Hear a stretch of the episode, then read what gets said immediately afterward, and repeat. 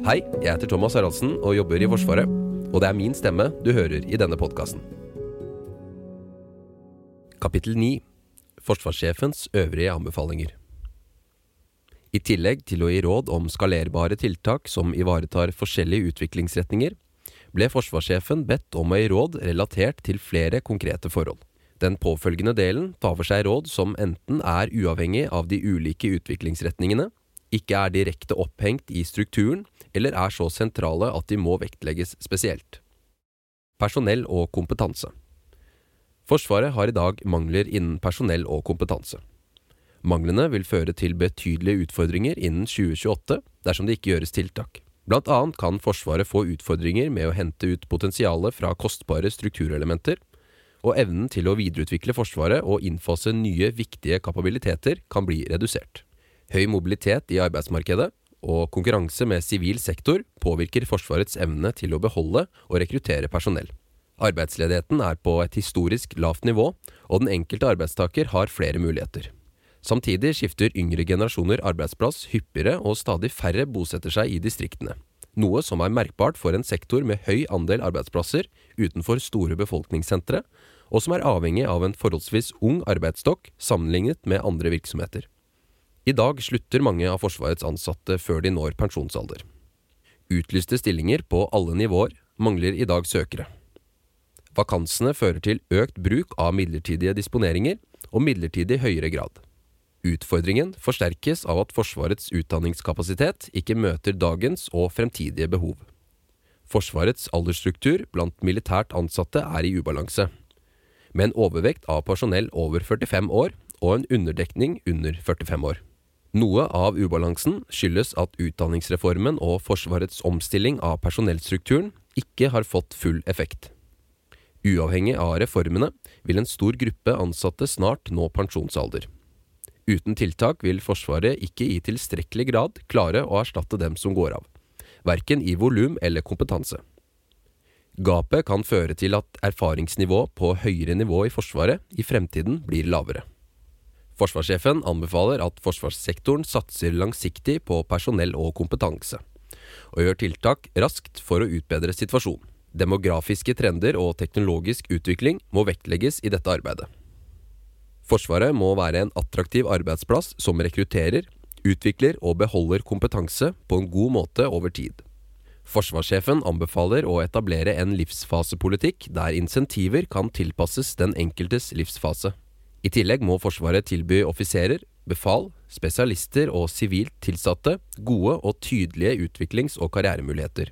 Forsvarets personell er opptatt av pensjonsvilkår og pensjonsalder, og det bør fastsettes tydelige og forutsigbare rammer for dette.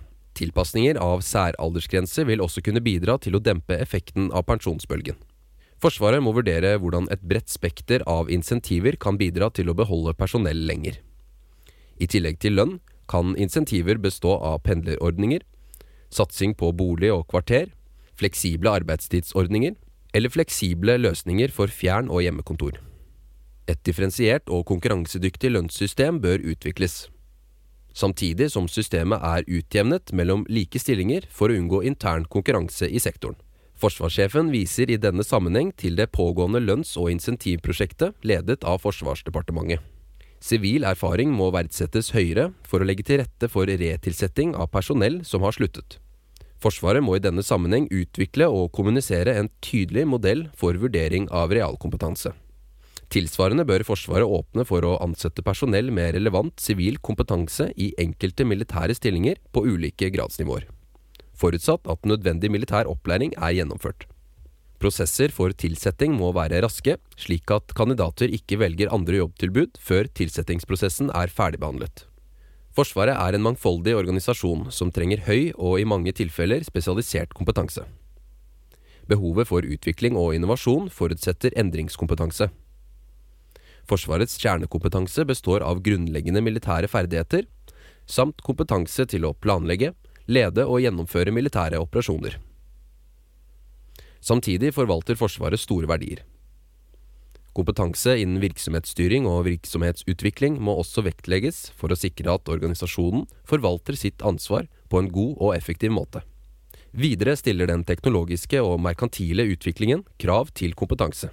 Forsvaret er avhengig av gode datadrevne analyser for å legge til rette for langsiktig kartlegging og planlegging av egen kompetanseproduksjon og rekruttering av sivilt tilegnet kompetanse. Militært personell besitter stillinger i hele forsvarssektoren, både i Norge og utlandet. Forsvarssjefen anbefaler å vurdere hvor militær kjernekompetanse bør disponeres og prioriteres mellom etatene i forsvarssektoren for å gi størst effekt. En vurdering må sikre at personellets plikter og rettigheter i fred, krise og krig ivaretas. Forsvaret har mange funksjonelle vakanser, som innebærer at en fast besatt stilling står midlertidig vakant som følge av permisjon, utlån eller sykdom. Funksjonelle vakanser legger press på organisasjonen og personellet. Forsvaret ser også en sammenheng mellom funksjonelle vakanser og Forsvarets omdømme som arbeidsgiver både innad og utad. En struktur med tilstrekkelig bemanning vil bidra til å redusere arbeidsbelastningen, øke forutsigbarheten, heve trivselen og bidra til lavere risiko for uønskede hendelser. Forsvarssjefen vil prioritere målrettet arbeid med Forsvarets arbeidsgiverprofil, der innbygger-, samlivs- og medarbeiderundersøkelsen brukes aktivt. Den anbefalte styrking av strukturen vil kreve vesentlig flere ansatte enn i dag. Selv med tiltak vil høy aldersavgang sannsynligvis føre til at Forsvarets personellbehandling synker frem mot 2028. Tiltakene kan likevel bidra til å redusere gapet og forbedre situasjonen. Det er fremdeles tid og mulighet til å gjøre tilpasninger i kompetanseproduksjonen og videreutvikle nødvendige tiltak som kan få god effekt i perioden etter 2028. Forsvarssjefen vurderer derfor at det er mulig å realisere styrkingen skissert i rådet, men dette krever umiddelbar handling. Utdanning Forsvarets utdanningssystem har vært gjennom flere store endringer. For å skape forutsigbarhet anbefaler forsvarssjefen å utvikle eksisterende modeller fremfor nye omstillinger. FHS bør videreutvikles som akkreditert høyskole. Relevansundersøkelser i regi av høyskolen bør danne grunnlag for videreutvikling av programmer og emner ved våre utdanningsinstitusjoner. Forsvaret skiller seg ut ved at organisasjonen i stor grad gjennomfører nivådannede utdanning og fagutdanning selv. Forsvaret er derfor sårbart for personellavgang. Forsvarssjefen vurderer at det er behov for umiddelbar økning av dagens utdanningskvoter. Økningen må foregå i takt med EBA og undervisningskapasiteten. Personellbaner ved innfasing av nye strukturelementer må tilpasses ledetider i kompetanseproduksjonen. Økte utdanningskvoter i Forsvaret løser ikke utfordringene alene, og mulighetene som ligger i det sivile utdanningssystemet må utnyttes bedre. Forsvarssjefen ønsker å fortsette målrettet rekruttering av personell med sivilt tilnegnet kompetanse, med mulighet til militær påbygning etter behov. Mulighet for livslang læring og utvikling kan bidra til å beholde personellet lenger. Forsvarssjefen anbefaler å prioritere insentiver som tilrettelegger for kompetansepåfyll. For eksempel bør det tilrettelegges for masterstudier militært eller sivilt tidligere i karrieren. Våpenskolen må styrkes for å ivareta behovet innenfor fag- og funksjonsutdanning. Forsvaret har en pågående studie som ser på organisering av fag- og funksjonsutdanning, herunder organisering av de ulike våpenskolene. Studiene vil ikke være sluttført før dette rådet gis. Hensikten med studiene er å sikre kvalitetsmessig og kosteffektiv fag- og funksjonsutdannelse. Verneplikten Forsvarssjefen viderefører ett felles rekruttering- og utdanningsprogram for Forsvaret. Slik sikrer Forsvaret at grunnutdanning innenfor militære ferdigheter og verdier er enhetlig og uavhengig av tjeneste og tjenestested. Forsvaret bør legge til rette for differensiert tjenestelengde og fleksibilitet i antall innrykk per år for å møte Forsvarets behov og bidra til reduserte kostnader, økt fleksibilitet, redusert reaksjonstid og økt utholdenhet. Overgangen til felles rekruttutdanning utenfor de operative enhetene har blitt mer kostbart enn anslått. Forsvarssjefen vurderer fremdeles felles rekruttutdanning på Madla og Terningmoen som den beste løsningen. Rekrutt- og soldatutdanning utenfor operative avdelinger gir økt operativ evne og bedre mulighet for styrkeproduksjon i krise og krig. Tilpasning av kontingenter og differensiert tjenestelengde vil kunne redusere volumet i en eventuell overgangsperiode til rekruttskolen kommer på plass. Forsvaret må utnytte potensialet som ligger i ikke-stadig tjenestegjørende med militær kompetanse bedre. Foruten fordelen ved å øke tilfanget av personell, bør tidligere tjenestegjørende i større grad rekrutteres tilbake til Forsvaret. I tillegg bør ikke stadig tjenestegjørende personell kunne melde interesse for tjeneste i Forsvaret i kortere perioder. Forsvarssjefen anbefaler at det tilrettelegges for et system som muliggjør dette på en effektiv måte. Den anbefalte styrkingen baserer seg i stor grad på å utnytte de mulighetene som ligger i verneplikten. Oppbemanningen innenfor enkelte strukturer baserer seg derfor på mobiliserbart vernepliktig personell som kan kalles inn ved behov. Arbeidet med digitale løsninger for mer effektiv kontakt mellom Forsvaret og vernepliktige må videreføres og styrkes. Løsningen kan brukes til å tilby kurs, utdanning og oppfølging gjennom alle stadiene i verneplikten. For å øke samfunnets motstandsdyktighet og forsvarsvilje i befolkningen kan f.eks. e-læringskurs i relevante temaer tilbys alle vernepliktige i forbindelse med sesjon, uavhengig av videre tjeneste. Eiendom, bygg og anlegg. Forsvarets EBA har i en årrekke hatt negativ utvikling som følge av underfinansiering over tid. Tilstandsgraden er marginal flere steder, og deler av eiendomsporteføljen har nådd et svært lavt tilstandsnivå.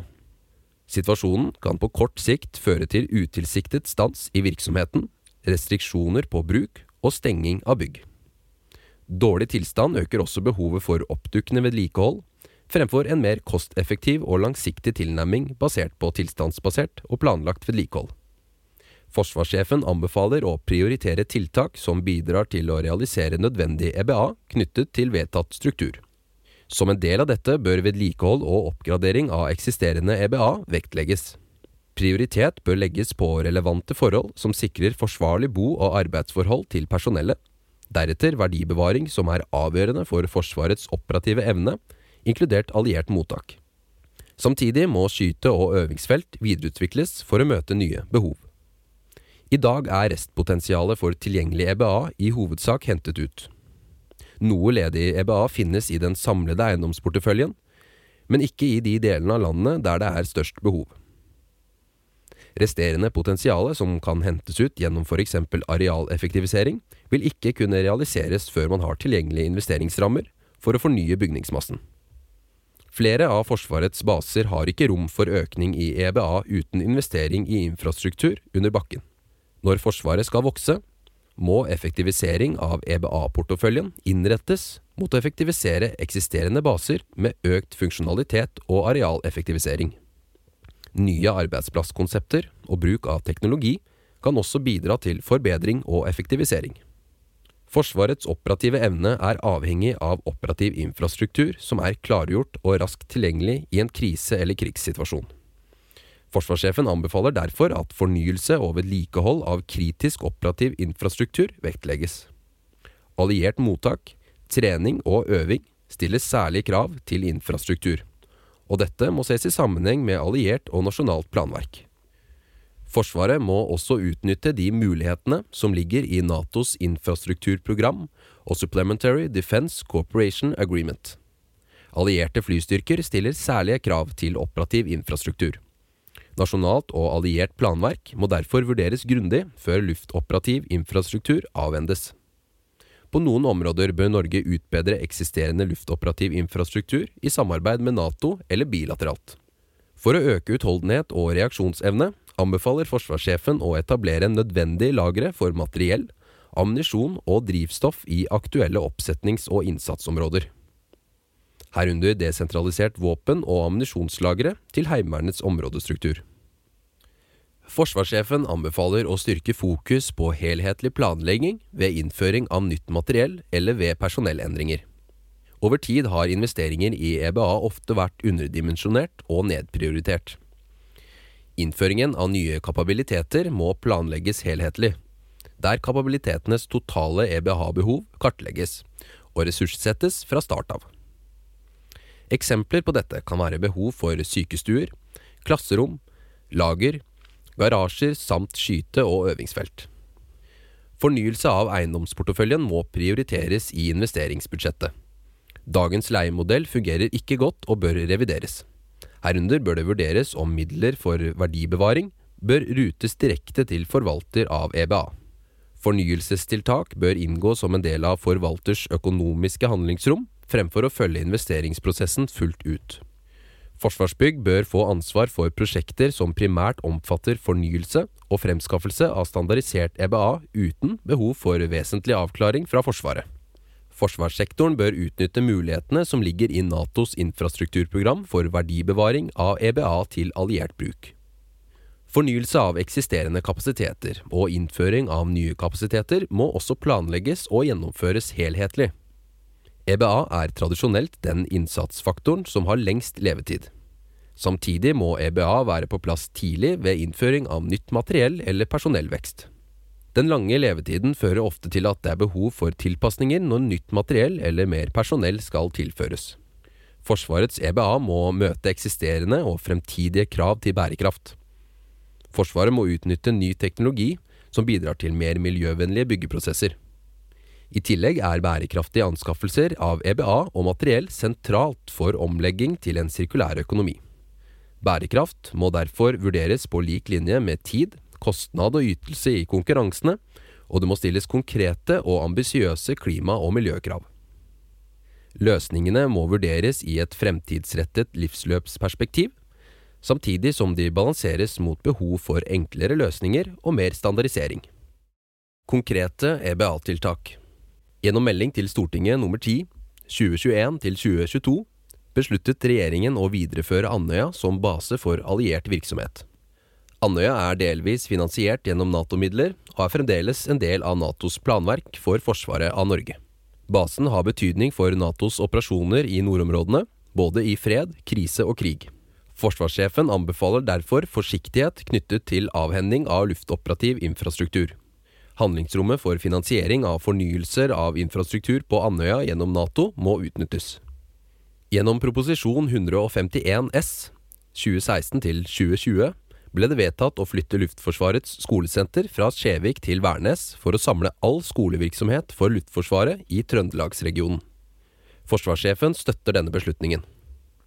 Proposisjon 14 S 2020-2021 legger til grunn en økning av antall vernepliktige inne til førstegangstjeneste og felles rekruttskole. De vedtatte økonomiske rammene for etablering av felles rekruttskole er ikke tilstrekkelig. Dersom rammene videreføres som i dag eller reduseres, anbefaler forsvarssjefen å kansellere planen om å etablere felles rekruttskole på Terningmoen. Dersom det økonomiske handlingsrommet økes, anbefaler forsvarssjefen at etableringen går etter intensjonene i gjeldende plan. Proposisjon 14 S 2021-2021 har skissert en styrking av Hæren med tilhørende støttefunksjoner i Indre Troms. Utredningsarbeidet har vist at avsatte budsjettrammer er for optimistiske. Forsvarssjefen anbefaler å øke den økonomiske rammen for styrkingen, og at nødvendig EBA etableres etter en helhetlig plan. Terminering av Forsvarets virksomhet utover redningshelikoptertjenesten og beredskapskritisk infrastruktur på Bodø flystasjon skaper et behov for ny EBA for de funksjonene som flyttes ut av stasjonen. Bodin leir er sentral i å løse denne utfordringen. Selv om leiren bærer preg av gammel og til dels nedslitt bygningsmasse, er potensialet for videreutvikling av leirområdet godt. Beslutning og tiltak må synkroniseres tett med Avinors prosess for ny by, ny flyplass. Forsvarssjefen anbefaler at det avsettes økonomiske rammer for å håndtere fraflytning av Bodø flystasjon. Gjeldende langtidsplan legger til grunn en økning og styrking av flere funksjoner tilknyttet hovedkvarteret på Reitan. For å håndtere denne økningen bør det etableres kontorfasiliteter og annen relevant EBA på Reitan. Forsvarssjefen stiller ikke krav til at alle kontorfasilitetene befinner seg i fjellanlegget. Nasjonalt logistikkoperasjonssenter, NLOGS, skal etter planen flyttes til Sessvollmoen når Kjeller legges ned. NLOGS skal videreutvikles som et ledelseselement for å ivareta nasjonal operativ ledelse av logistikkfunksjoner på taktisk nivå. Senteret skal også kunne utgjøre rammeverket for et Nato Joint Logistics Support Group hovedkvarter. Forsvarssjefen anbefaler å flytte FLO stab til samme lokasjon for å samle fagmiljøer samt styrke evnen til ledelse av logistikken i Forsvaret. Når NLOGS må forlate Kjeller, bør det legges til rette for en midlertidig etablering på Østlandet inntil Sessvollmoen er klart. HV02 må flyttes som følge av fremdriftsplanen for utvikling av Lutvann leir. Forsvarssjefen anbefaler i tråd med tidligere anbefaling å legge til rette for å etablere HV02 i Linderud leir. Tiltaket må ses i sammenheng med behovet for økningen ved krigsskolen. Forsvarssektoren har i dag en rekke lokasjoner i Oslo-området, med en blanding av leide og eide arealer og med ulikt utviklingspotensial. Forsvarsbygg har gjennomført en innledende utredning av utviklingsbehov og muligheter i området som peker på at det kan være rom for effektivisering og innsparing. Forsvarssjefen anbefaler at det iverksettes en helhetlig plan for utvikling av EBA i Oslo-området. Planen må vektlegge arealeffektivisering med fleksible og fremtidsrettede løsninger som bidrar til å styrke Forsvaret som en attraktiv arbeidsplass. Forsvarssjefen anbefaler en helhetlig gjennomgang av muligheter for å styrke forsvarssektoren sin tilstedeværelse, spesielt i Nord-Norge. Mange arbeidsplasser i sektoren som i dag er lokalisert på det sentrale Østlandet og i Oslo, kan flyttes til steder i Nord-Norge i nærheten av militære baser. Fordelene med flere sivile arbeidsplasser i tilknytning til militære baser er åpenbare også for våre forsvarsansatte.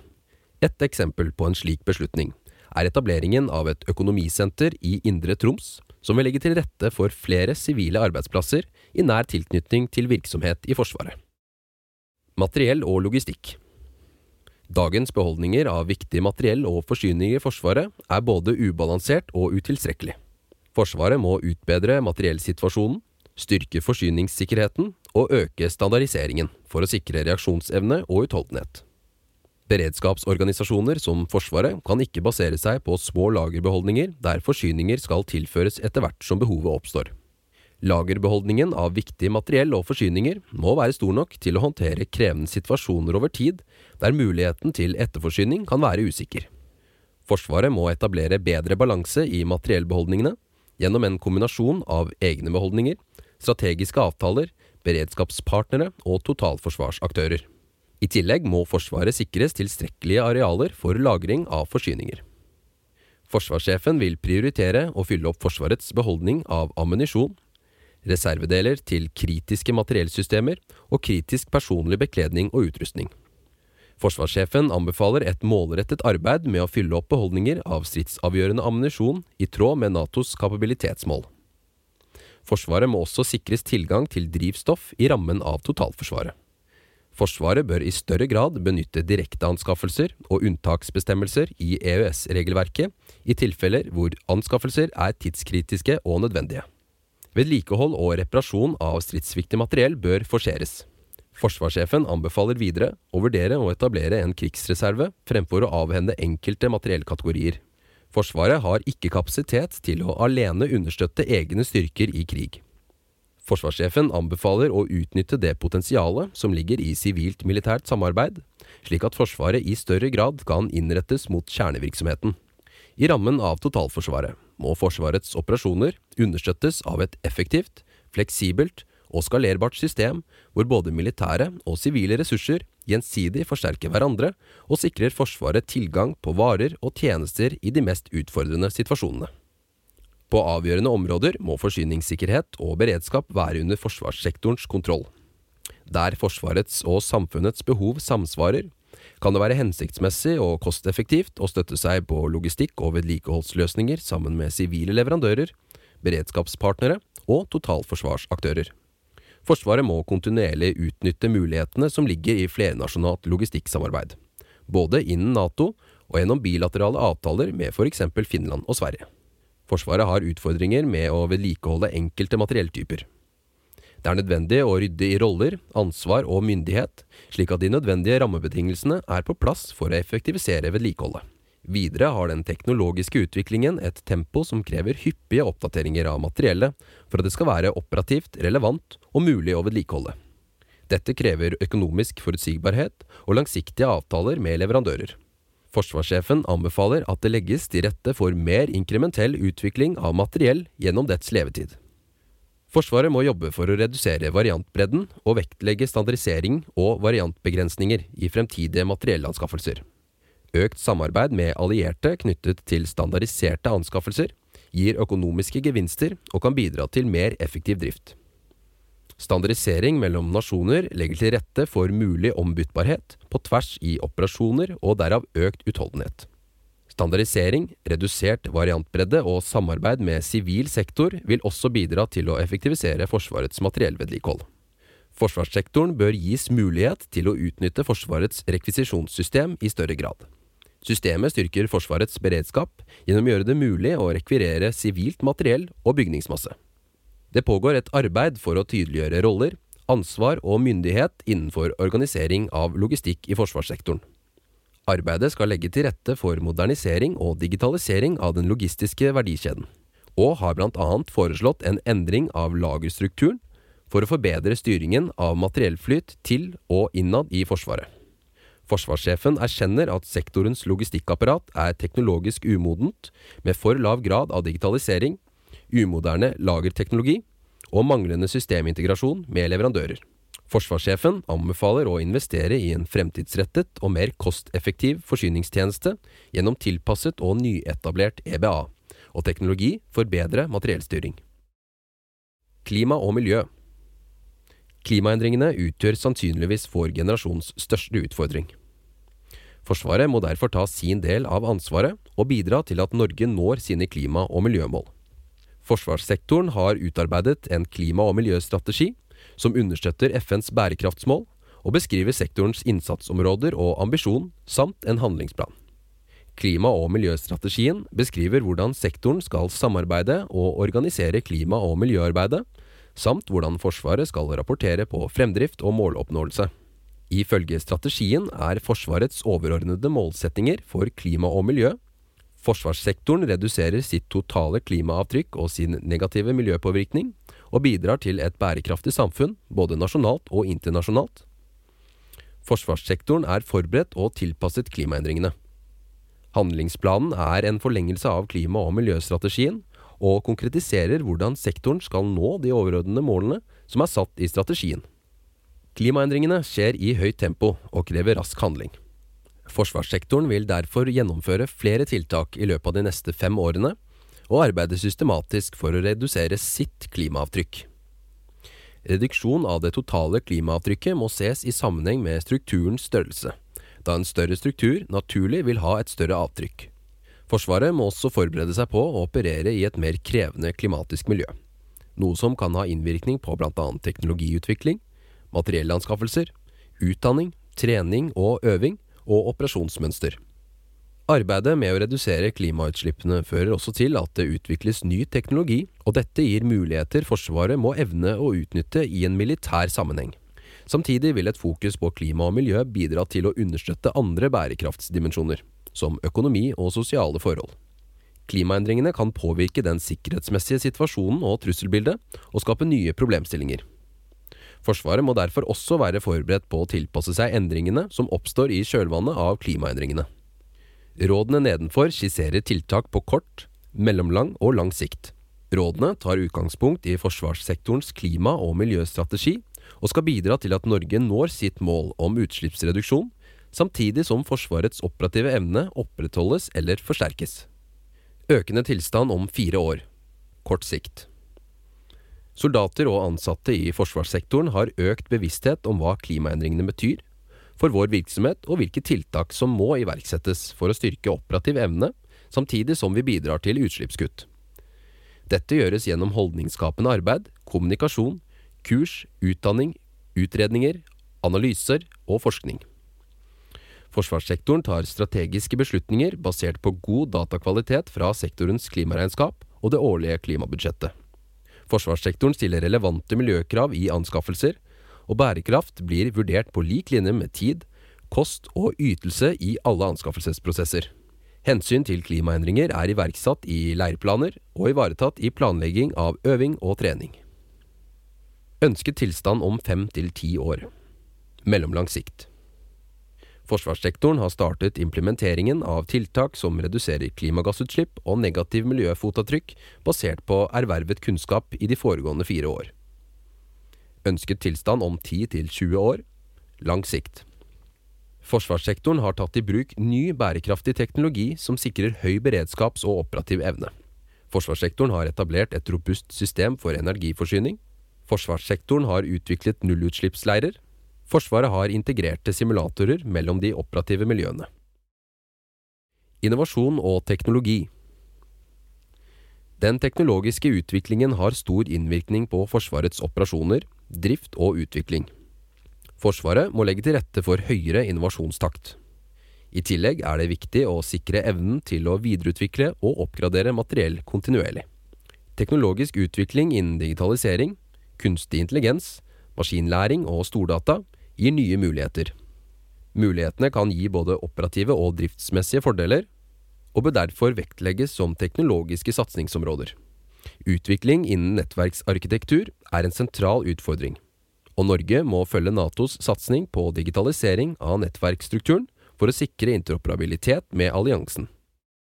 Kunstig intelligens og maskinlæring Kunstig intelligens gir store muligheter for forsvarssektoren. Teknologiutviklingen går svært raskt, og Forsvaret må følge utviklingen nøye for å utnytte potensialet som ligger i teknologien på en god måte. Kunstig intelligens er en betegnelse på teknologi som kan utføre fysiske eller digitale oppgaver som normalt krever menneskelig intelligens. Kunstig intelligente systemer baserer seg på tolkning og behandling av strukturerte eller ustrukturerte data for å lære, tilpasse seg og ta beslutninger. Kunstig intelligens kan behandle store mengder data og utføre oppgaver som for eksempel bildegjenkjenning, tolke tale og tekst, foreslå løsninger og handlemåter for å løse konkrete problemstillinger, samt styre kjøretøy, fartøy og flyvende farkoster. Forsvaret kan dra nytte av kunstig intelligens til blant annet overvåkning og etterretning, plan- og beslutningsprosesser, effektivisering av driften, samt autonom styring av systemer og plattformer i alle domener. Maskinlæring er en underteknologi av kunstig intelligens. Teknologien består av datasystemer som automatisk oppdager mønstre i store mengder data og tar valg basert på kunnskapen. Maskinlæring kan benyttes til f.eks. styring av logistikk, personell og økonomisystemer. Bruk av kunstig intelligens reiser flere nye etiske og juridiske problemstillinger. Forsvarets utvikling og bruk av denne typen teknologi må derfor være transparent, etterprøvbar, preget av forsiktighet og i tråd med etiske prinsipper og juridiske rammeverk. Forsvaret planlegger å etablere en overordnet funksjon med ansvar for digitalisering koordinering og prioritering i Forsvaret for å bidra til å få hurtigere og bedre effekt av ny teknologi. Forsvarssjefen mener at et tydeligere fokus og ansvar innen teknologi og innovasjon vil forbedre evnen til å utarbeide konkrete handlingsplaner innen ulike teknologiområder. Strategiske utviklingsplaner knyttet til Forsvarets viktigste kapabiliteter må ta hensyn til organisasjons- og insentivstrukturen som skal frembringe dem, kapasiteten til å drifte og videreutvikle systemene, og evnen til å utvikle relevante konsepter for fellesoperativ bruk. Forsvarssjefen mener at trekantsamarbeidet kan styrkes ved å etablere et innovasjonsfond for forsvarssektoren. Fondet skal bidra til å tette gapet mellom utvikling, eksperimentering og anskaffelse, og binde sammen industri og myndighetsaktører. I tillegg vil fondet legge til rette for at innovativ teknologi fra norske små og mellomstore bedrifter kan bidra til å møte Forsvarets behov, og gi hurtigere kvalifisering og utrulling av lovende teknologiske løsninger. Forsvarssektoren må prioritere sektorens forsknings- og utviklingsmidler, FoU, målrettet i samarbeid med norsk forsvarsindustri for å styrke trekantsamarbeidet. Prioriteringen må tydeliggjøre hvor vi skal utvikle teknologi nasjonalt, og hvor vi skal gjøre dette i samarbeid med allierte, og hvor vi utelukkende skal basere oss på anskaffelser i markedet. Konseptutvikling og eksperimentering, CD og E, i Forsvaret må vektlegge utvikling av konsepter som kan utnytte teknologien på smartere måter. For å tilrettelegge for dette anbefaler forsvarssjefen at CDE og FoU-ressursene i sektoren settes i en tydeligere sammenheng. Arbeidet bør koordineres mot Forsvarets operative hovedkvarter, som har en rolle som nettverksleder for Forsvarets CD- og E-aktiviteter, gjennom Noble og slik forsterkes samarbeidet med Forsvarets forskningsinstitutt gjennom eksempelvis instituttets Senter for innovasjon, Iceworks. Forsvaret må jobbe langsiktig for å utnytte teknologi på nye måter og bidra til fremtidsrettet konseptutvikling. For å utnytte fremvoksende og banebrytende teknologier må Forsvaret tenke nytt. Innovasjonstakten i sivil industri er høy, og tradisjonelle anskaffelsesløp tar ikke tilstrekkelig høyde for tempo. Forsvarssektoren må redusere tiden fra konsept- og eksperimentstadiet til anskaffelse og bruk. Utviklingen må henge sammen med et differensiert anskaffelsesregelverk som tillater høyere tempo. Økosystemet knyttet til fremvoksende teknologier skiller seg fra tradisjonelle utviklingsløp. Det er derfor behov for en helhetlig tilnærming som unngår å låse anskaffelser til konkrete systemer eller kapasitet for tidlig, fordi dette reduserer mulighetene til å justere kurs ettersom behov, forutsetninger og muligheter endrer seg. Sivilt-militært samarbeid om teknologiutvikling er avgjørende. Forsvaret må utnytte mulighetsrommet som finnes innenfor autonome og ubemannede løsninger for å øke operativ evne og skape kosteffektive løsninger. Utviklingen innen ubemannede systemer har vært rask og er i stor grad drevet av sivil teknologiutvikling. Forsvarssjefen anbefaler å anskaffe ferdig utviklede systemer til militær bruk, eller å tilpasse sivilt utviklede systemer til militær bruk der det er mulig. Forsvarets forskningsinstitutts Iceworks kan i tett samarbeid med operativt miljø bidra i en slik utvikling. Norge er avhengig av å kunne operere sammen med allierte. Forsvarets materiell må derfor i størst mulig grad være standardisert med Nato og nære allierte. Forsvarssjefen anbefaler at anskaffelser i større grad styres i porteføljer eller programmer som tillater å se sammenheng mellom prosjekter og prioriteter på tvers av dem. Ny teknologi går ofte på tvers av tradisjonelle skillelinjer som land, sjø og luft, og dette krever en mer helhetlig tilnærming. Samtidig er dagens skille mellom anskaffelse og drift mindre tilpasset ny teknologi. Gjennom å samle ansvaret for et teknologiområde i et program, som tillater et mer helhetlig perspektiv med tilhørende handlingsrom for anvendelse av allokert økonomisk ramme, legger man til rette for mer kontinuerlig og inkrementell videreutvikling. Alliert samarbeid Nato er en sentral del av det norske forsvarskonseptet.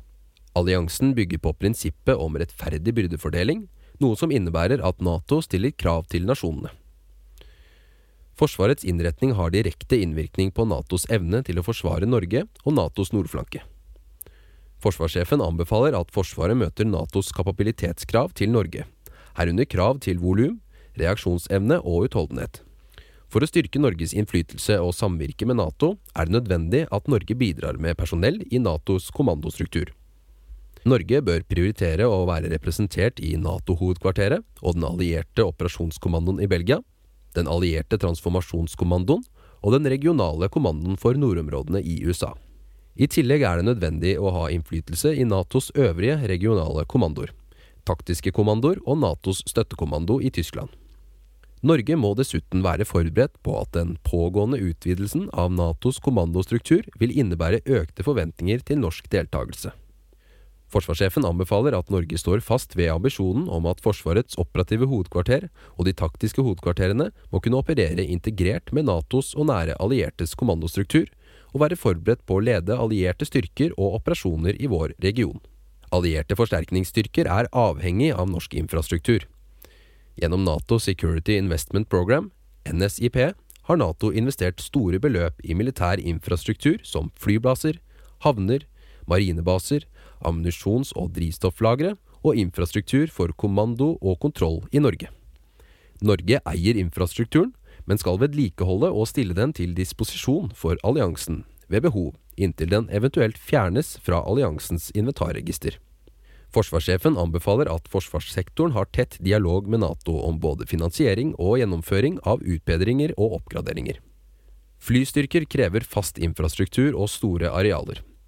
Infrastrukturen ved enkelte norske flybaser har behov for oppgraderinger for å tilfredsstille Natos krav.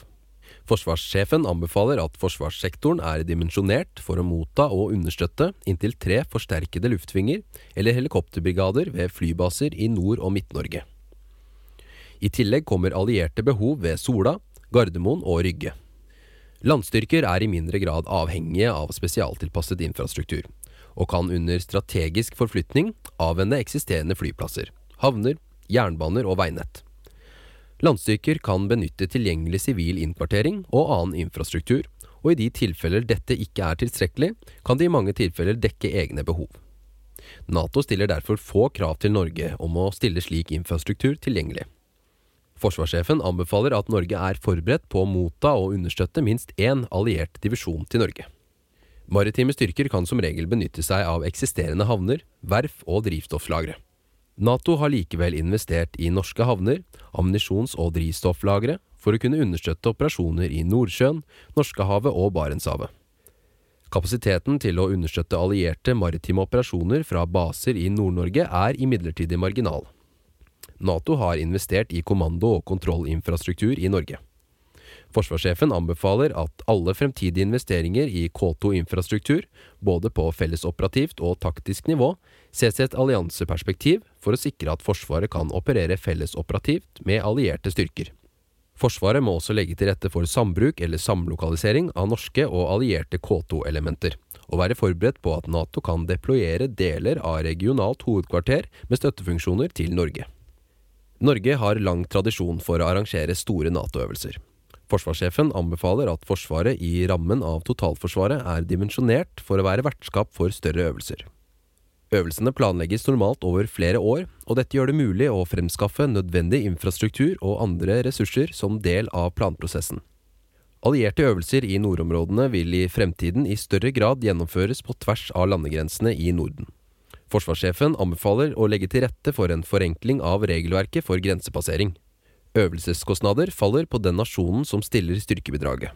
Kostnadsnivået i Norge er høyt, og dette kan gjøre det mindre attraktivt å øve i Norge. For å redusere kostnadsnivået bør forsvarssektoren etablere ytterligere permanent eller semipermanent infrastruktur for allierte som øver fra norske flybaser eller i tilknytning til norske skyte- og øvingsfelt. Infrastrukturen bør finansieres i samarbeid med sentrale allierte med interesser i regionen, og mulighetene for sivilt-militært sambruk bør vurderes. Forsvaret må kunne bidra til operasjoner utenfor Norge i rammen av både Nato, FN og koalisjoner. Dette signaliserer styrke og samhold i alliansen, og styrker Norges posisjon som en troverdig alliert. Forsvarssjefen anbefaler at Forsvaret dimensjoneres slik at nasjonale oppdrag kan løses samtidig som inntil 20% av styrkestrukturen deltar utenfor landet. Sverige og Finlands medlemskap i Nato Et svensk og finsk medlemskap i Nato legger til rette for tettere nordisk samarbeid. Liasoneringen til finsk og svensk hovedkvarter er etablert, og bør videreføres. Samarbeid innenfor kurs og kompetanse bør videreføres og videreutvikles. I tillegg til militært samarbeid vil det bli behov for tett koordinering mellom de sivile delene og de nordiske lands totalforsvar. Forsvaret bør legge vekt på et tettere samarbeid mellom de nordiske landene i rammen av Natos kompetansesenter for kaldtværsoperasjoner lokalisert på Elverum. Et tettere samarbeid bør innebære økt tilstedeværelse fra alle de nordiske landene ved senteret. Norges betydning som mottaksområde for allierte styrker vil sannsynligvis øke som følge av Finlands og Sveriges inntreden i Nato. Forholdene vil ikke bli avklart før både Natos og USAs planverk for denne regionen er revidert. Norges evne til alliert mottak må styrkes og tilpasses at Norge også kan bli et transittområde for allierte styrker som skal videre til Sverige og Finland. Nye muligheter må utnyttes, slik som samarbeid om alliert mottak og forflytning på veiakser, samt bruk av flybaser og havner. Kapasitet på strategisk jernbanetransport bør økes for å ha muligheten til å flytte tungt materiell fra mottakssted i Norge og videre til Sverige og Finland. Dette vil kreve involvering og koordinering utover forsvarssektoren i alle de nordiske landene. Fordeling av EBA til forhåndslagerkapasitet for ulike beredskapsholdninger bør vurderes i en helhetlig nordisk ramme. Forsvarssjefen anbefaler at det legges til rette for enklere flyt av militære varer og tjenester mellom landene. En åpnere tilnærming inkluderer tilgang til og utnyttelse av andre lands infrastruktur, forenklet grensepassering og forhåndsavtaler for biologisk grensekontroll. Materiellsamarbeid mellom de nordiske landene kan gjøre investering og anskaffelsesprosessen mer effektiv. De nordiske landene bør enes om standardiserte materielltyper, og Forsvaret bør vurdere å anskaffe materiell i en felles nordisk ramme når det er hensiktsmessig, for å skape stordriftsfordeler. Forsvarssjefen anbefaler at Forsvaret etablerer dialog med de nordiske landene om felles innmeldinger til Natos styrkestruktur, og se tildelte kapabilitetsmål i en nordisk ramme. Norge bør vurdere et samarbeid med de nordiske landene om et felles nordisk totalforsvarskonsept som fleksibelt kan understøtte nasjonale og forsterkningsstyrker i Norden. Etablering av et nordisk totalforsvarsforum for å ivareta effektiv koordinering av beredskap mellom landene bør prioriteres. Norges rolle og arbeid knyttet til klimaendringer og klimatilpasninger i Nordefco bør styrkes. Arbeid med forskning, utvikling og innovasjon knyttet til robuste løsninger tilpasset et endret klima i nordområdene bør styrkes. Utviklingen av et logistikkhovedkvarter for understøttelse av en Nato fellesoperativ kommando bør fortsette, og på sikt vurderes gjennomført i en nordisk ramme. Forsvaret vurderer også et nordisk samarbeid om en felles regional lufttaktisk kommando i rammen av Nato. Et slikt samarbeid vil kunne gi mer effektiv ledelse og koordinering av luftoperasjoner, og dermed større evne til kraftsamling. Trening og øving. Forsvarets operative evne er avhengig av at personell på alle nivåer er godt trent og har fått tilstrekkelig øving i alt fra grunnleggende soldatferdigheter til avansert samspill mellom avdelinger, forsvarsgrener og allierte. Forsvarets trenings- og øvingsaktivitet må foregå med så lite klimaavtrykk som mulig. Norge er et ettertraktet land å øve og trene i. Flere nasjoner øver fast i Norge og har tilstedeværelse større deler av året, og særlig på vinteren. I tillegg til øvingsområder i flere landsdeler er Norge unikt i alliert sammenheng ved at det er mulig å øve utenfor Forsvarets øvningsfelt på sivil grunn gjennom rekvisisjonsloven. Sivil grunn nyttes spesielt på større øvelser, og gir mulighet for at større avdelinger på land, sjøen og i luften kan øve fellesoperativt i regioner der det er viktig å vise norsk og alliert tilstedeværelse. Forsvarssjefen anbefaler at ordningen forvaltes og bevares på en god måte. Et svensk og finsk Nato-medlemskap åpner for tettere samarbeid mellom de nordiske landene innen trening og øving. Det er f.eks. mulig å etablere samarbeid innenfor skytefelt, logistikk, treningsinfrastruktur og planlegging av øvelser. Forsvarssjefen anbefaler at det arbeides systematisk med å etablere ordninger som legger til rette for mer sømløs trening og øving på tvers av de nordiske landegrensene i alle domener. Utviklingen innen operasjonsmønster, utstyr og våpen tilsier at det i fremtiden blir like stort behov for skyte- og øvingsfelt, men at det vil stilles en del nye krav til disse. Av økende søkelys på fellesoperasjoner og trening sammen med allierte, må fremtidens øvingsfelt være dimensjonert for trening i større forband i luften, på sjøen og på land samtidig. Nye avanserte våpentyper har spesielle egenskaper. Svært lang rekkevidde og kan ofte kobles sammen i nettverk noe som innebærer nye krav til skytefeltene og støtteinfrastrukturen. Samtidig har moderne plattformer avanserte sensorer og utstyr for elektronisk krigføring. Forsvarssjefen anbefaler å videreutvikle treningsinfrastrukturen med treningssystemer som gir mer realistisk trening i alle domener. Denne typen treningssystemer er svært ettertraktet hos våre allierte, og kan bidra til å øke Norges relevans som alliert trenings- og øvingsarena. Ny teknologi gjør det mulig å gjennomføre mer realistisk trening og øving i simulator, og potensialet vil øke i årene som kommer. Bruk av simulator bidrar til økt ferdighet og kompetanse, samtidig som treningen vil bli mer kosteffektiv. Det vil også bli mulig å integrere simulatorer med skarp trening for å øke realismen i treningen. Selv om simulatorer ikke kan erstatte all skarp trening og skyting, kan de redusere behovet. Simulatorteknologi kan også bidra til å redusere utslipp, støy og skade på natur. Sammensatte trusler Sammensatte trusler er en betegnelse på strategier og virkemiddelbruk under terskelen for direkte væpnet konflikt. Strategien kan kombinere et bredt spekter av åpne og fordekte metoder som har til hensikt å skape dilemmaer på tvers av sektorer og nivåer. Sammensatte trusler kan bidra til å viske ut skillet mellom både fred og væpnet konflikt, og mellom statssikkerhet og samfunnssikkerhet. En motstander kan bruke sammensatte virkemidler til å ramme både Forsvaret og viktige samfunnsfunksjoner, inkludert privat næringsliv og industri. Beskyttelse mot sammensatte trusler må derfor ses i rammen av totalforsvaret. Felles situasjonsforståelse og evne til samarbeid på tvers av sektorer er avgjørende og vil øke evnen til å oppdage, attribuere og håndtere hendelser. Norge må ha en nasjonal evne til å kunne etablere helhetlig situasjonsforståelse på tvers av sektorer. Alle sektorer med eierskap til området bør inkluderes, også sivilt næringsliv og viktig industri. Forsvaret kan særlig bidra med helhetlig situasjonsforståelse og kompetanse innen analyse, etterretning og informasjonsdeling.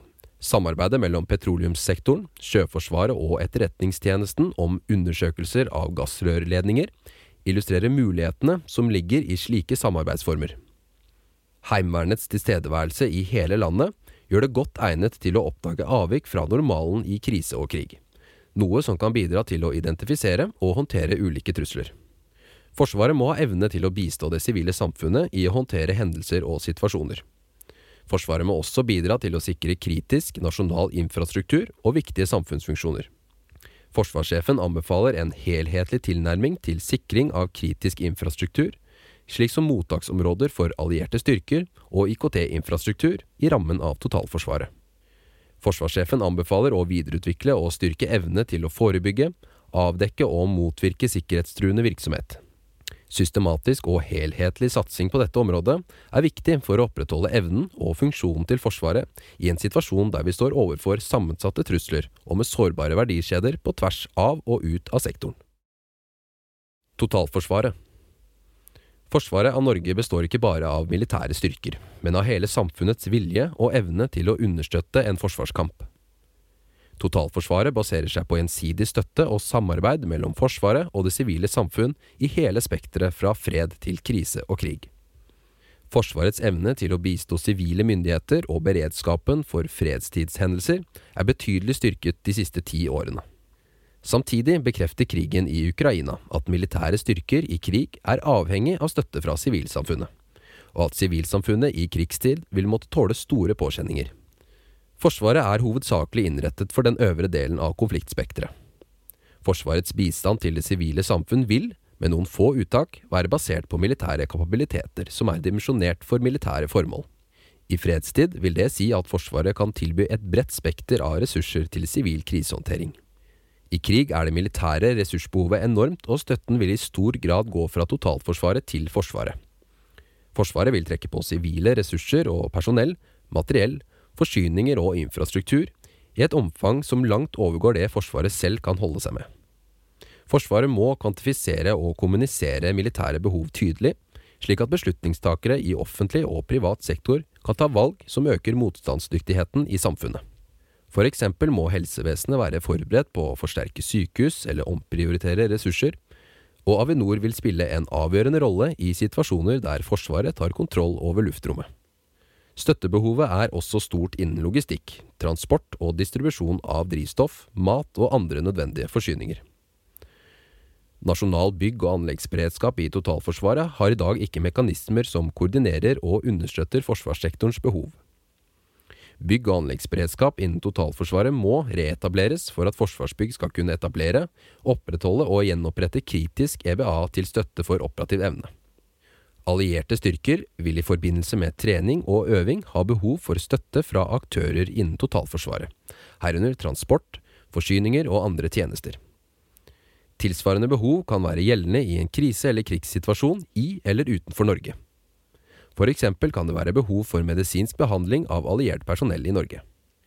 Forståelse for rolle, ansvar og myndighet i beredskapsarbeidet er viktig. Samfunnet og Forsvaret har begrensede ressurser. Prioritet på å øke beredskapen i samfunnet må starte på toppen og helhetlig vurderes og forbedres ned til utøvende nivå.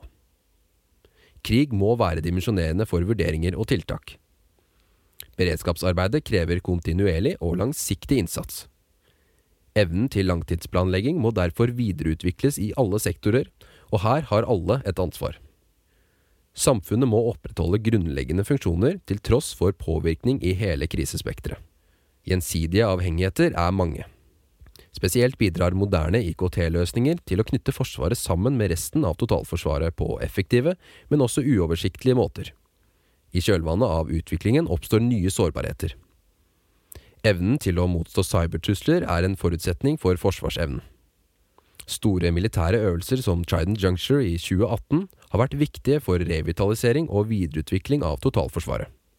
Likevel er det ikke slik at de store militære øvelsene nødvendigvis ivaretar de mest krevende scenarioene for samfunnets grunnleggende funksjoner. Øvelser som utfordrer bredden av totalforsvaret, bidrar til å styrke tilliten til vår forsvarsevne. Slike øvelser bør derfor prioriteres, og bidrar til å styrke den mentale beredskapen og motstandsdyktigheten. Forsvarsvilje skaper forsvarsevne, og forsvarsevne skaper forsvarsvilje. Erfaringer fra Ukraina tilsier at i en situasjon hvor nasjonens sikkerhet er truet, er støtten fra sivilsamfunnet stor. Støtten vil komme fra offentlige og private aktører, men også fra enkeltpersoner og organisasjoner. Forsvaret må derfor ha evne til å ta imot og utnytte sivil støtte som spenner fra enkel forsyningsstøtte til teknologisk innovasjon underveis i en konflikt. Sivil og frivillig innsats kan bidra til å opprettholde evne og vilje til motstand. Frivillig innsats kan komme fra organiserte grupper eller oppstå ad hoc. For å sikre helhetlig tilnærming anbefaler forsvarssjefen at Heimevernet gis en rolle i ledelse og koordinering av frivillig innsats i krise og krig. HV sin rolle i beredskapsråd lokalt og på fylkesnivå gjør dem godt egnet til dette. Norge har ledende teknologiske miljøer som ved en langvarig konflikt kan ha avgjørende betydning. Forsvaret må derfor planlegge for hvordan slik støtte kan styres og utnyttes innenfor rammene til krigens folkerett. Videreutvikling av Forsvarets kultur og den militære profesjonen. Undersøkelser fra både 2018, 2020 og 2022 viser at flere av Forsvarets ansatte og soldater i førstegangstjenesten er utsatt for mobbing og seksuell trakassering. Samtidig har Forsvarets håndtering av varslingssaker fått sterk kritikk i media de siste året. Kritikken har vært rettet mot både system, ledelse og kultur. Forsvaret har etablert et team i Forsvarsstaben som skal sikre økt fokus og lederkraft i arbeidet videre. Den militære profesjonen og Forsvarets egenart vil være kjernen i utviklingen. Målet er et forsvar der oppdragsløsningen gjøres i et arbeidsmiljø preget av tillit, trygghet og tilhørighet, der alle handlinger er forankret i våre verdier. Fokuset i utviklingen vil rettes inn mot tre innsatsområder – system, ledelse og kultur. For å sikre fremdrift, fokus og prioritet i arbeidet vil Forsvaret utarbeide en strategi for utviklingen av den militære profesjonen. Modernisering og effektivisering Modernisering og effektivisering er og skal være en løpende prosess i Forsvaret. Forsvaret har etablert et sentralisert moderniserings- og effektiviseringsprogram for å legge til rette for en helhetlig tilnærming innenfor området. Likevel må initiativ og handling også skje lokalt og lokale sjefer skal ha myndighet til å oppnå effektiviseringsgevinster på sitt nivå. Modernisering og effektivisering i Forsvaret har hovedsakelig som målsetting å etablere velfungerende og ressurseffektive prosesser. Økonomisk innsparing må ikke være et mål i seg selv, men må komme som et resultat av at prosessene blir mer effektive. Forsvarssjefen anbefaler å bygge videre på de samme prinsippene som har vært bærende i gjeldende periode standardisering og forenkling som bidrar til variantbegrensning og redusert kostnad, sentralisering av styring som bidrar til økt prosess- og oppgaveeffektivitet, kraftsamling av fagmiljøer som innebærer at oppgaver løses ett sted, én gang med rett kompetanse. Forsvaret skal fortsette bruken av prosess, teknologi og organiseringsperspektiv, PTO, i effektiviserings- og moderniseringsarbeidet. En PTO-tilnærming legger til rette for effekt og leveransefokus, og kan bidra til å løsrive utviklingen fra gamle tankemønster. Analyser i modernisering- og effektiviseringsprogrammet indikerer at forsinket eller manglende resultatoppnåelse hovedsakelig kan forklares med bakgrunn i tre hovedområder. Fragmentering, beslutningsevne og interessekonflikter. Fragmentering kommer som konsekvens av at mange aktører og organisatoriske enheter er involvert i ulike prosesser. I tillegg bidrar brutte verdikjeder til fragmentering. Videre kan utydelighet rundt ansvar og myndighet føre til at beslutninger tas av feil instans eller ikke blir tatt i det hele tatt. Uklare ansvarsforhold i kombinasjon med et stort antall aktører og overlappende eller motstridende regelverk kan til slutt lede til interessekonflikter som fører til økt tidsbruk og redusert kvalitet. Organisasjoner som er i stadig utvikling må fortløpende optimalisere prosesser og rutiner for å effektivisere driften. Dette gjelder også Forsvaret. Noen prosesser kan endres på kort sikt, mens andre vil kreve større grep for å skape forbedring. Forsvaret har identifisert et betydelig gevinstpotensial innen anskaffelser, vedlikehold og investering. Realisering av potensialet fremstår imidlertid ikke som realistisk på kort sikt pga. styringsutfordringer i forsvarssektoren. Nye prosesser må designes, og det må stilles tydelige krav til økonomiske gevinster for å realisere potensialet. Forsvaret har også stort effektiviseringspotensial innen arealutnyttelse. EBA-området er i begrenset grad berørt av pågående modernisering og effektiviseringsarbeid. Forsvaret har anbefalt tiltak knyttet til personellrelatert EBA, men det finnes sannsynligvis også et gevinstpotensial i å effektivisere sektorens materiellrelaterte EBA. Det bør utredes modeller for forvaltning og finansiering av EBA som inneholder insentiver for effektiv arealutnyttelse og reduksjon i arealbehov. Forsvarssjefen anbefaler å effektivisere styringen og ressursutnyttelsen innenfor forsyning, forenkling av verdikjeden, logistikkunderstøttelse, rekruttere og fornye, utdanning, opplæringsteknologi, simulatorbruk, videreutvikling av krigsskoler, styrkeproduksjon, felles rekruttskole, simulatorbruk og HR. Innen alle områdene er det store muligheter for bedre ressursutnyttelse knyttet til samvirke med sivile institusjoner og privat næringsliv. En slik utvikling i rammene av totalforsvaret vil gi beredskapsmessige fordeler, i tillegg til å sikre moderne og effektive løsninger. Ved svensk og finsk Nato-medlemskap vil det åpne seg nye muligheter for modernisering og effektivisering, herunder økt samarbeid innenfor materiell, utdanning, vedlikehold og forsyning. Forsvaret må utnytte ny teknologi til å skape fordeler. En modernisert IKT-infrastruktur er en forutsetning for å kunne oppnå effektiviseringsgevinster knyttet til digitalisering og automatisering. Fremdriften på moderniseringen av IKT-porteføljen er usikker men Forsvaret forventer å kunne realisere deler av moderniserings- og effektiviseringspotensialet knyttet til digitalisering og automatisering i løpet av neste langtidsplanperiode.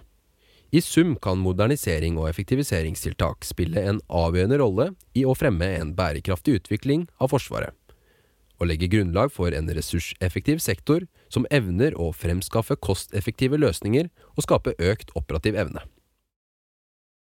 Organisering og styring Forsvaret bør være organisert og virke likt i fred, krise og krig. Forsvarssjefen leder Forsvaret gjennom 13 driftsenheter, som hver for seg har sine resultatmål og sitt budsjett.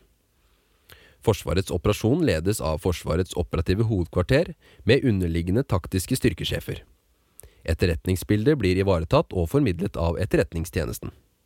Den daglige styringen og koordineringen av Forsvarets virksomhet tilligger Forsvarsstaben på vegne av forsvarssjefen. Forsvarets operative hovedkvarter skal ha et helhetlig ansvar for Forsvarets operasjoner i Norge og utland. Operasjonene skal ledes etter strategiske føringer fra forsvarssjefen. Det fellesoperative hovedkvarteret skal være forsvarssjefens rådgiver innenfor militære operasjoner og bidra til utarbeidelse av strategiske råd for anvendelse av Forsvaret. Relasjonen til Natos hovedkvarter ivaretas gjennom militærmisjonen i Brussel. Hæren, Sjøforsvaret, Luftforsvaret, spesialstyrkene og Heimevernet bør ha et mer helhetlig ansvar enn de har i dag. Forsvarets baser og leire driftes f.eks. av flere ulike aktører der rolle, ansvar og myndighet er fragmentert. For å legge til rette for mer effektiv drift og operasjoner, bør hovedbrukeren få et helhetlig ansvar for aktiviteten tilknyttet basen. Eksempel bør Luftforsvaret få et helhetlig ansvar for flystasjoner de opererer fra. Støttestrukturen må organiseres på en måte som er bedre tilpasset de operative styrkenes behov. Samtidig må organisering, støtte av moderne teknologiske løsninger og rasjonelle prosesser sikre at ressursene som tildeles og bevilges forsvarssektoren, utnyttes effektivt. Forsvaret må legge til rette for effektiv forvaltning, uten at det går på bekostning av strukturens reaksjonsevne og robusthet. Forsvaret har et pågående program som ser på moderniserings- og effektiviseringstiltak. I rammen av programmet vurderes det hvordan støttestrukturen bør organiseres og styres. Vurderingen var ikke ferdigstilt da dette rådet ble levert, så forsvarssjefen vil komme tilbake til dette i arbeidet med den kommende langtidsplanen. Moderniseringen vil bidra til å tydeliggjøre roller, ansvar og myndighet, forenkle Forsvarets prosesser og redusere fragmentering ved å justere antall aktører involvert i felles- og støttefunksjoner. Leveranser vil bli standardisert slik at den samlede ressursbruken reduseres. Forenkling og standardisering vil gi rom for å tilpasse Forsvarets organisasjon, herunder staber og støttestruktur. Parallelt har Forsvarsdepartementet i rammen av regjeringens tillitsreform besluttet å iverksette endringer i styringen og innretningen av sektoren, slik at Norge kan få mer forsvarsevne ut av de ressursene som er tilgjengelig. De pågående prosessene vil påvirke organiseringen av og styringen i Forsvaret. Forsvarssjefen har identifisert et mulig potensial for å omorganisere og redusere antall driftsenheter, samtidig som prinsippet likhet i fred, krise og krig i større grad blir ivaretatt. Når dette rådet gis, er det for tidlig å forskuttere antall driftsenheter og en fremtidig innretning av staber og støttestruktur. Forsvarssjefen vil derfor komme tilbake til dette i arbeidet med den kommende langtidsplanen. Forsvarssjefen ser at navnesetting av Forsvarets avdelinger og ledelsessentre i varierende grad kommuniserer enhetens funksjon og oppgave. Forsvarssjefen bør gis rom til å fastsette benevnelsen av sine enheter og avdelinger. En løsning kan være at besluttende myndigheter beskriver kapabiliteter fremfor strukturnavn i langtidsplaner, slik tilfellet er i dag. Dette er en podkastversjon av forsvarssjefens fagmilitære råd Trygghet i usikre tider. Hvis du vil ha den fullstendige rapporten, anbefaler vi deg å lese den på Forsvarets nettsider, forsvaret.no. Mindre avvik fra den endelige rapporten kan forekomme, og vi presenterer ikke grafikk og tabeller. Podkasten er laget av Fredrik Tandberg, Jørgen Lyngvær og Thomas Haraldsen.